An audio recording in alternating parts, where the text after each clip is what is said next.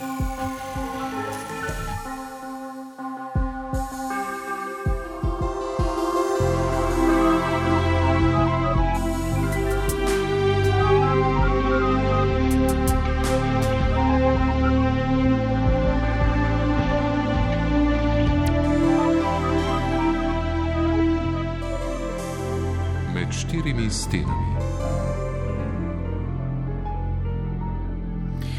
pridemo do menopauze, je pred nami še pol življenja in slaba tretjina delovne dobe. Več kot polovica žensk priznava, da menopauzne spremembe negativno vplivajo na njihovo delo. Kljub temu so menopauzne težave tabu tema, saj ženske ne rade govorimo o njih, delodajalci pa so s to problematiko v glavnem slabo seznanjeni. Zaradi svoje izkušnje se je v tematiko poglobila univerzitetna diplomirana biologinja Magdalena Fabčič, in postala vodnica skozi menopauzo, ki izobražuje vodstva podjetij in ozavešča zaposlene o preprečevanju ekonomskih ter družbenih posledic menopauznih težav. V odajo med štirimi stenami jo je povabila Cirila Štubar. Dobar dan, gospa Magdalena Fabčič. Lepo pozdravljeni. Med naše štiri stene eh, ste seboj prinesli pahljačo. Zakaj? Ker priznam, da me še vedno obliva. In pahljača je dober pripomoček. Učinkovit, preprost in lahko ga imaš res zmeraj s sabo, v torbici, v avtu, povsod. Sicer pa se spomnite eh, časov, ko ste eh, sami opazili prve menopauzne spremembe, ki eh, so vas uvirale pri življenju in delu. Ja, začelo se je tam nekje pri 42, 43 z motnjami razpoloženja sp nisem sploh vedela, kaj se mi dogaja, čeprav sem biologinja, pa so mi te fiziološke stvari jasne.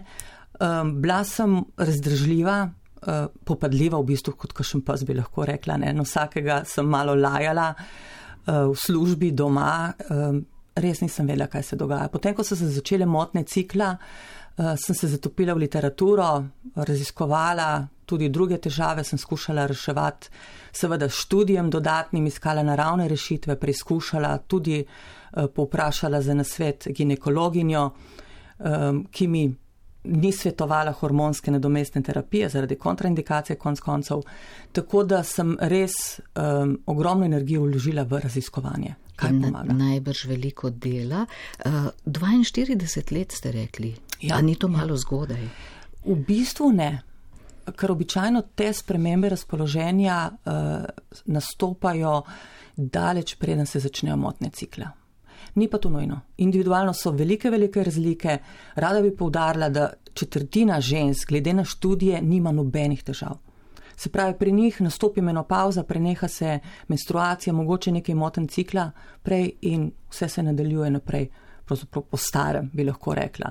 Nekje polovica žensk ima težave, ampak jih Eh, prebrodi tako brez kakšnega hudega dodatnega stresa. Vsaka četrta pa ima tako hude težave, da res vplivajo na kvaliteto življenja. In doma, in na delovnem mestu, seveda. In zdaj, če začneva s temi motnjami razpoloženja, z razdražljivostjo, eh, kako ste si pomagali pri tem? Takrat si v bistvu nisem kaj dosti pomagala, ker se nisem zavedala, kaj se dogaja. Ravno zato, govorim in poudarjam ta vidik menopauznih sprememb, da bi ženske prepoznale to, se tega zavedle, da bi tudi okolica vedela, kaj se dogaja, mogoče sprejela malo bolj z razumevanjem, eh, da bi tudi ženska svojemu možu rekla, le pač danes imam tak dan, nisi ti kriv, ampak ne me tikat, bodi mal bolj prijazen z mano. Že take malenkosti lahko, lahko olajšajo in da vemo, da so zade hormoni, ker pač receptorje za spolne hormone, predvsem tukaj strogen, progesteron, imamo po celem telesu, tudi v možganih. Um, in možgani so seveda zelo občutljivi na te spremembe, na ta nihanja, ki se dogajajo v tistem predmenopauznem obdobju, ki lahko traja tudi 5-6 let ali pa tudi kakšno leto dlje. In kako si bi lahko še pomagali, če bi vedeli, razen tega, da opozorite okolico, da pač niste v najboljši koži zaradi tega, ker so to predmenopauzne spremembe. Čuječnost. Kaj pa je to? Čuječnost je v bistvu um, niti ni neka filozofija več. To je zelo te vzhodnjaške prakse prilagojene zahodnemu človeku.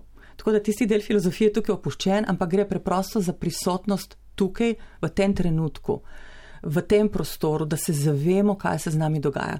Se pravi, da nismo v preteklosti, ker običajno vse čas nekaj premljevamo preteklost ali nas skrbi prihodnost, ampak da smo tukaj zdaj, se zavedamo svojih reakcij, svojih čustev in s tem lažje prevzamemo vajeti spet nazaj v svoje roke. So to kakšni treningi, kako to dosežemo, da, smo, da nismo v preteklosti niti v prihodnosti z glavo najbrž, eh, pač pa v sedanjosti? So tudi treningi. Tako da se splača mal poiskati, eh, tudi nekateri psihologi učijo čuječnosti. Lahko poskusimo tudi s pomočjo knjig sami. Um, jaz sem eno zelo preprosto vajo na delavnicah, ko ženske tako uh, čuječe pojejo košček čokolade in se posvetijo samo okusu, samo tej čokoladi in je občutek popolnoma drugačen. Se pravi, s hrano, z vonjanjem, s poslušanjem, s pozornostjo na okolico, mi že treniramo čuječnost. E, in ta trening je treba izvajati vsak dan? E, ne ravno s čokolado, najbrž? Tudi s čokolado, lahko odvisno od količine. Um, ja, v bistvu večkrat čez dan izkoristi trenutke za to, da se zavemo. Tudi prvi požir kave, ko gremo na kavo, zapreti oči in se popolnoma posvetiti vonju in okusu kave. To je že vaja čuječnosti. Tako da ni treba komplicirati. Seveda, idealno pa je, če si vsak dan vzamemo tistih 15-20 minut za, prav za vajo čuječnosti, se pravi čas zase in se temu čist posvetimo. In kako to vpliva na nas? Um, zelo, zelo pomirjajoče. Ugotavljajo pa tudi, da spreminja delovanje možganov. Se pravi, tudi uh, odlično zdravilo za stres. Uh mhm. -huh. Lažje razmišljamo, lažje se skoncentriramo. Kako dolgo ste rabili, da ste prišli do tega, da si lahko s tem pomagate? Kar nekaj let. V bistvu um, potem, ko sem gledala nazaj in razmišljala o tem, kako bi si lahko pomagala takrat, ko sem imela najbolj izrazite eh, težave z razpoloženjem, sem začela preizkušati čuječnost in sem gotovila, da res pomaga in tudi vidim povratne informacije žensko in to svetujem, ko to poskusijo, da je res bistveno lažje jim, njim pa okolici. Uh -huh. um, se spomnite mogoče največjih napak, ki ste jih delali, ko ste se spopadali s težavami uh, v menopauzi? Da sem skušala pogosto kar z glavo skozi zid. In nisem bila dovolj potrpežljiva. Tudi, ko sem recimo preizkušala kakšna zeliščna zdravila, ki tudi nekatera dokazano pomagajo, so znanstvene študije zadej, uh, sem pogosto obupala po 14 dneh, na koncu je pa tako, da moš počakati tudi 2-3 mesece, da res vidiš učinek. Uh -huh. uh, ste imeli kakšno vodstvo pri tem? Uh... Večinoma sem uh, knjige pa internet. Ja. Tako da ni v Sloveniji v bistvu nekaj dosti pomoči v tej smeri, oziroma kar je večinoma marketing pa prodaja, ne, ni to neka tako odkrito srčna pomoč. Uh, nekaj tega je pa tudi v tujini, je pa kar dosti knjig, tudi prevedenih v slovenščino, um, tako da se da, se da prebrati stvari. Uh, pa v angleščini tudi konc koncev. Marketing in prodaja ste rekli, mislite ja. tukaj na prehranske dodatke, ja. ki jih priporočajo, ja. kako bi lahko pomagali recimo našim poslušalkam, eh, da jih ne bi to zavedlo. Predvsem biti pozorni na to, kadar reklamirajo nekaj kot čudežno rešitev, kot čudežno zdravilo in ko preberemo sestavine in noter 5, 6, 7 različnih rastlinskih ekstraktov, recimo, Eh, običajno je tako, da za določeno težavo je treba preizkusiti točno določena recimo zelišča. V celoti mislite, tako. ne pa kot ekstrakte? Um, seveda na koncu so vedno ekstrakti, uh, lahko je tinktura recimo, lahko pa tudi kapsule. Ne? Ampak glede na težavo izbrati terapijo, ne pa kar nekaj tako v paketu, ah bo že pomagalo, ker so ponavadi odmerki tudi potem preniski. Uh mhm. -huh. Pa potrpljenje, zelo pomembno. Katere so pa težave, ki jih lahko razrešimo le pri zdravniku? Eh, običajno je to pri prezgodni menopauzi oziroma eh, največ težav ima ženske, ki eh, imajo menopauzo kot posledico nekih medicinskih posegov, recimo zdravljenje raka, ne? kemoterapija, hormonska terapija. To je v bistvu šok za žensko, fizično in tudi psihično. In takrat res potrebuje podporo zdravnika. Mhm. Eh, kakšno podporo pa ste eh, sami pogrešali, eh, ko ste iskali rešitve zase? Um, pogovor. Pogovor z žensko, ki je že šla skozi to izkušnjo. Kaj prinese tak pogovor? Tak pogovor prinese zavedanje, najprej to, da bo minilo, to je tudi, recimo, ko na zaključku delavnice povprašam ženske, kaj so odnesle s sabo, rečejo, da vemo, da bo to minilo, običajno traja samo nekaj let, eh, in pa da nas je ogromno v tem. Hmm. Tako nekje, glede na statistiko, vsaka četrta zaposlena ženska je v menopauznem obdobju. Kaj pa sicer, eh, koliko je pri tem pomembno podporno okolje, najprej družina, potem širše na koncu oziroma najbrž takoj za družino, tudi služba oziroma eh, sodelavci, vodstvo in tako naprej. Zelo pomembno, ker če ženska občuti razumevanje, bo spregovorila o svojih težavah in lažje tudi našla pomoč. Ja. Ki je lahko tudi zelo kratkotrajna in tudi zelo preproste rešitve, kot ne vem, ventilator na pisalni mizi. Ja, recimo tiste fizične, telesne težave, katere so, eh, s katerimi se soočamo v meni. Eh, sicer največ se govori o vročinskih oblivih, ker tudi največji delež žensk eh, to občuti eh, skozi obdobje menopauznih sprememb, ti lahko trajajo tudi najdlje. So tudi primeri, ko jih imamo lahko do konca življenja. Tukaj se splača malo mamo povprašati, kakšno izkušnjo je ona imela z menopauzo, ker vročinski oblivi so kar precej dednino. No. Potem seveda so uh, neredne menstruacije, lahko so tudi zelo hude, uh, dolge menstrualne krvavitve. To je seveda pred samo menopauzo, v tem perimenopauznem obdobju, uh, zaradi nihan hormonov, predvsem pomankanje progesterona. In to lahko žensko tudi prestraši, vodi v slabokrvnost, posledično utrujenost, zadrega v službi. To recimo žensko povejo, da imajo kar pogosto težave. Potem so pa tukaj težave s koncentracijo, spominom, tudi povezane s hormoni in pa z nespečnostjo, ki tudi pogosto spremlja te hormonske spremembe. Nespečnost sama po sebi ali pa zaradi vročinskih oblivov, eh, ki nas zbudijo po noči. Ja, koncentracija in spomin, to je pogosta težava. Kako si pa lahko pri tem pomagamo? Um, predvsem ne se ustrašiti, da so to tisti prvi znaki demence, ker je to zelo redko. Trening možganov. Ravno tako kot treniramo mišice, lahko treniramo možgane. Ali se začnemo učiti plesa ali kakšnega tujega jezika, reševanje križank, sudokujev, tudi uh, knjige z zankami, ugankami, internet jih je poln. Tako da možgani nam bo zelo hvaležni, če jih treniramo. Tudi umivanje zob z levo roko, če smo desničari, je trening za možgane. In čim bolj raznolik trening, seveda. Zanimivi predlogi so to. Kaj pa na delovnem mestu? Lahko, kako lahko delovno okolje uredimo tako, da je podporno za žensko, ki, se, ki je pač v meni in ima te menopauzne težave? Um, mislim, da na prvem mestu je tukaj ozaveščanje celega kolektiva, da razume, kaj se žensko dogaja in potem se tudi ženska počuti razumljena in podprta z njihove strani. Potem pa kot strategija v bistvu najboljše, da se ženske, um, recimo nekje po 40, ampak tudi mlajše, izobrazi na to temo. Različne delavnice, da vejo, kaj se z njimi dogaja, kako si pomagati, in potem, da jih vodstvo oziroma kadrovska služba povpraša, kakšne težave, težave imajo, kako se z njimi soočajo, in kako jih podjetje lahko pri tem podpre. Se pravi, da ženske tudi same lahko dajo ideje, kaj bi jim pomagalo. Mhm. To se pravi, te težave ni nujno niti, da so samo um, kontraproduktivne. Uh, imamo lahko, so tudi kakšne dobre uh, strani uh, menopauze. Um, zdaj, v tisti, tistem obdobju težav jih bolj težko opazimo pozitivne strani, ne? čeprav tako. No. Uh, jaz se običajno pošalim na svoj račun, ker imam še vedno vročinske oblive in potem počakam, da me oblije, preden grem po zimi, eh, da jad perilo sušiti ven na burjo. Ne? Tako da včasih je tudi koristno.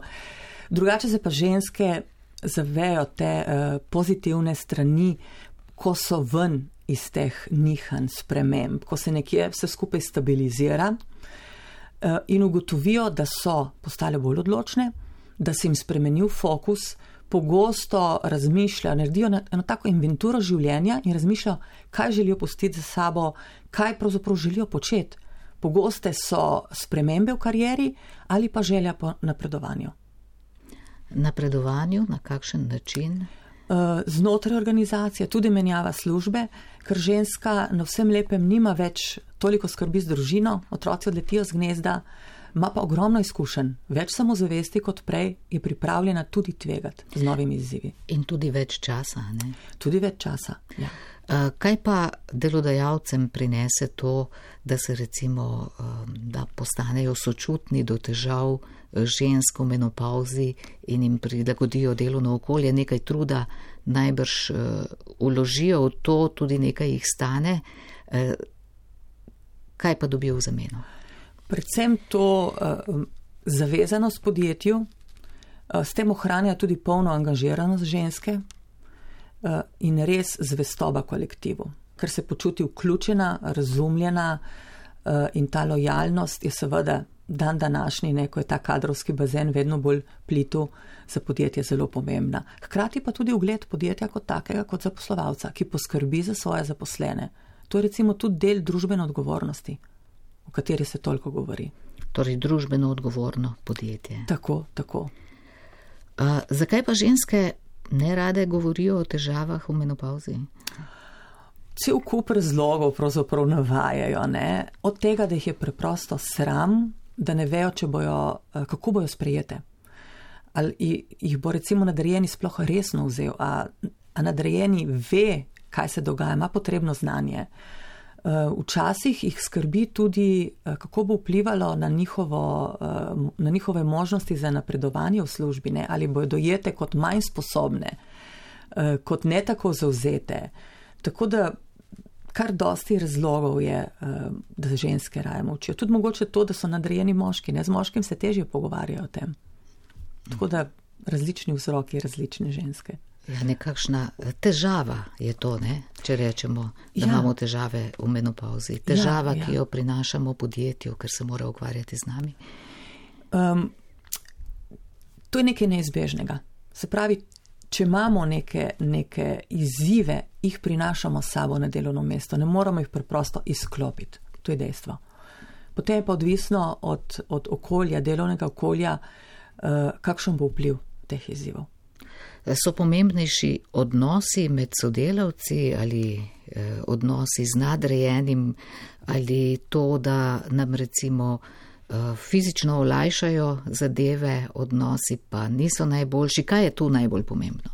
Jaz mislim, da tukaj so kar individualne razlike. Na kaj je ženska bolj občutljiva? Ne? Zdaj, če imamo zelo hude vročinske oblive, to zgleda tako, da nas bi v puhovki zaprli v savno ne, občutek, da nam je vroče, da gorimo, takrat nam tudi sočutje ne bo dosti pomagalo, lahko pa reši situacijo en ventilator na pisalni mizi, ki ga vklopimo, nas osveži potem sklopimo, ko je oblil mimo. To je tako ma, malo banalizirano, ampak včasih je res tista fizična rešitev, ki jo potrebujemo, ampak nasplošno pa res razumevanje, podpora. Eh, in prilagoditve, kolikor se pač da, od delovnega časa, dodatnih odmorov, predvsem pa recimo dostopnost toaletnih prostorov, hladna voda, zračenje, eh, temperatura v prostoru, vlažnost, tudi uniforme, zaščitna oprema, prilagoditi, če ima recimo ženska vročinske oblive. Ne? Kar nekaj stvari. Kako gledate, glede na to, da se že kar nekaj let ukvarjate s tem, kako se odzivajo na to podjetja? vedno boljše. Od začetka je bilo dosti tako začudenih pogledov, ko sem povedala, sem vodnica skozi menopauzo, ne, pa delam večinoma s podjetji. Uh, zdaj se pa zgodi, da me sami poiščejo, ker so pač slišali od zaposlenih v določenem podjetju dobro odziv in se začnejo zavedati, uh, kaj se dogaja. Um, prisluhnejo zaposlenim, ki se o tem pogovarjajo, tudi to recimo, ko kadrovska um, v kadrovski službi začnejo malo poslušati ženske in ugotovijo, da so te težave, da se pogovarjajo o tem, da je to neki ziv uh, in da se splača posvetiti temu reševanju in izobraževanju na to temo. Ja, te psihološke spremembe, ne glede na menopauzo, tudi pri moških najbrž, tudi andropauza prinese psihološke spremembe. Ljudje se spremenimo in ja. drugače gledamo na to, kaj delamo. Zdaj, tako andropauza je v bistvu bolj mit kot resničnost, ker samo manjši del moških jo res doživlja. To pomeni tak bistven upad testosterona. Uh, to je ta, bi rekli, moški hormon, ki moške naredi moške, ampak ga izločamo tudi ženske in ga nujno potrebujemo. Ne? Pri moških je bistvena razlika z ženskami ta, da upada postopoma. Že po 30. dosti počasneje in redko pride do hudega pomankanja, kar bi lahko povezovali z andropauzo. Je pa res, da, žen, eh, da moški tudi z leti občutijo določene spremembe um, v spolnosti, v, v tudi upadanje mišične mase, recimo, lahko tudi ostoporozo, uh, pa tudi manj energije, manj tiste uh, želje po, po aktivnosti, manj bi rekla proaktivnosti. Tako da tudi te spremembe se jim dogajajo, ampak je vse skupaj dosti bolj postopno kot pri ženskah, razen izjemoma, seveda. Tale manjša želja po aktivnosti, tudi po zmagovanju. A je ja. treba zato gledati, recimo, uh, v podjetjih, na katero delovno mesto postavimo koga? Ja, mogoče tudi, mogoče tudi, glede na to, ampak individualno oceniti. Uh mhm. -huh. Ker tukaj želja po zmagovanju se mogoče uravnoteži z mnogo več izkušnjami in s tem, da znaš bolj prisluhniti tistim okrog sebe, kar zna biti pa zelo pozitivno na delovnem mestu. Ja, kakšne mentorske pozicije, recimo? Ja, ja. Po 50. letu. Predvsem pa to obratno mentorstvo, ne? oziroma tako, da smo mi mentor mlajšim in mlajši so tudi nam. Ne? Ja, čist, iz, čisto iz drugega vidika, tako, tako. glede novih tehnologij najbrž. Tako. Ja. In to medgeneracijsko povezovanje je izredno pomembno in pomeni občutek vključenosti za obe strani. In tudi potem je manj obsojanja. Ne? Ja. Uh, se vam je kdaj zgodilo, da ste se počutili v službi, uh, kot da količinsko manj delate uh, in v primerjavi recimo z 20-30 let mlajšimi? V bistvu eh, ta občutek je bil edino, ko sem imela res izrazite težave z nespečnostjo, ker preprosto nisem imela energije. Težko sem se skoncentrirala, zelo sem bila razdržljiva, recimo. In tisto obdobje, preden sem to težavo uredila, eh, sem bila res počutila eno, en, en učinek na moje delovne sposobnosti. Seveda nas zdaj zanima, kako ste uredili to težavo z nespečnostjo, ker to najbrž je kar pogosta, resnejša težava, s katero se uh, srečujejo ženske v menopauzi. Stvar je bila v bistvu precej kompleksna. Eno je bilo to, da sem eh, nočni ptič, spravi spraviti malo pod kontrolo to moje navado ponočevanja. Uh, pomagala sem si z določenimi zelišči, pomagala mi je čuječnost, pa ker sem imela težave po noči z vročinskimi oblivi, sem ugotovila, kateri so sprožilci, ki jih sprožajo.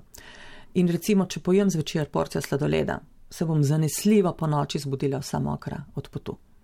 E, podobno alkohol, recimo sploh rdeče vino, e, prečiščeni glikovi hidrati, recimo tudi pica, zvečer ravno tako sprožilec, pivo, e, čili, ki ga imam sicer izredno rada, ampak ga omejim na opoldanski čas. Torej, ugotoviti, kateri so sprožilci za vročinske oblive, pa da se jim izognemo zvečer, lahko zelo pomaga. Zelišča, čuječnost, pa higiena spanja.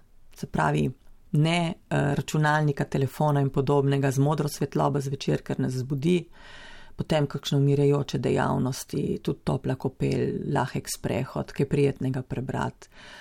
In kup in kup stvari, um, s katerimi si lahko pomagamo in ki jih moramo raziskati. E, kakšno je pa hormonsko ozadje e, teh sprememb, ki se nam dogajajo v menopauzi? Um, nespečnost je povezana in z pomankanjem estrogena in progesterona. Se pravi, oba hormona vplivata na to. Če bi recimo ta dva hormona nadomestili, bi bili brez težav? V teoriji ja, um, ampak vprašanje je uh, tistega pravega odmerka, ker ženske se tukaj zelo razlikujemo um, na katere koncentracije hormonov je naše telo navajeno skozi življenje. In pa še nekaj, tisto obdobje perimenopauze, predmenopauze, pomeni zelo velika nihanja, predvsem v estrogenu. Se pravi, estrogen iz dneva v dan uh, narašča, upada, to je tako, jaz ponovadi razložim, da naši jajčniki imajo nek upokojitveni načrt, ki ga preizkušajo in potem skoraj nehajo delovati, možgani to zaznajo in jih spet spodbudijo hormonsko, jajčniki spet delujejo, izločajo estrogen, pa spet se to zmanjša. To pomeni zelo izrazita nihanja estrogena. In tukaj, če ga dodajamo, kako bomo ulovili tisto pravo ravnotežje. Eh, sami ste rekli, da ste si tudi z zelišči pomagali, kako pa drugače kot recimo eh, hormoni, ki, ki bi nam jih predpisali, zelišča vplivajo na hormonsko ravnovesje? Na različne načine, tudi na možgane in potem uravnavajo izločanje hormonov. Je to uh, delovanje bolj postopno? Uh, ja, ja. Primerjavi s hormoni? Tukaj je treba res potrpljenje. Pogosto lahko je tudi učinek že po enem mesecu, ampak običajno treba dva, tri mesece počakati. Um, kakšno stališče imate sami? Sami ste si predvsem brez nadomestne hormonske Tako, terapije ja. Pomagali. Eh, kakšen odnos pa imate sicer do tega? Uh, mislite do terapije hormonske? Um, včasih pač ženska potrebuje to, ker je preprosto prehudo, ima prehude težave, da bi lahko normalno funkcionirala zahteve v službi, družina, zahteve okolice, um, zavedati se, da to ni dolgoročna rešitev. Se pravi, za prebroditi tisto težavno obdobje, ampak tudi po smernicah se to ne priporoča več kot pet, recimo maksimalno deset let. In da se ženska zaveda, mora vseeno poskrbeti zase, za svoje zdravje, za svoje dobro počutje, se pravi, z enim takim ustreznim življenjskim stilom. Kje ste pa potem? Eh, glede na to, da ste rekli, da je zelo malo uh, odgovorov na vprašanja v menopauzi, uh, zelo, zelo redki so ljudje, ki o tem učijo. Uh, sami ste rekli, da ste nekaj našli na internetu in da glede na to, da ste biologinja, uh, ste se znali obrniti v tem internetnem svetu polnih informacij. Kaj pa sicer? Kje lahko ženske, ki jih zanima um, vse o menopauzi, uh, najdejo informacije. Jaz jih običajno kar povabim tudi na svoj blog na inter, internetni strani pogumna.si, um, kjer sem seveda, ko sem sama potovala skozi to obdobje, se soočala s težavami, iskala rešitve in potem tudi zapisala svoje izkušnje. Vesela sem pa tudi vprašanj, Eh, ki mi jih pošljajo tudi preko maila. Uh, in ko rešujemo neki ziv žensko, ko ona preizkuša rešitve, najdem tudi idejo in to zapišem. Se pravi, da se čim več izkušenj zbira, uh, običajno kar v obli, obliki bloga in tam se da že uh, marsikatero idejo najti. Res sem pa vesela tudi vprašanj. In potem se lotim raziskovanja, ki mi nekje v krvi. Ja, kako si predstavljate za konec?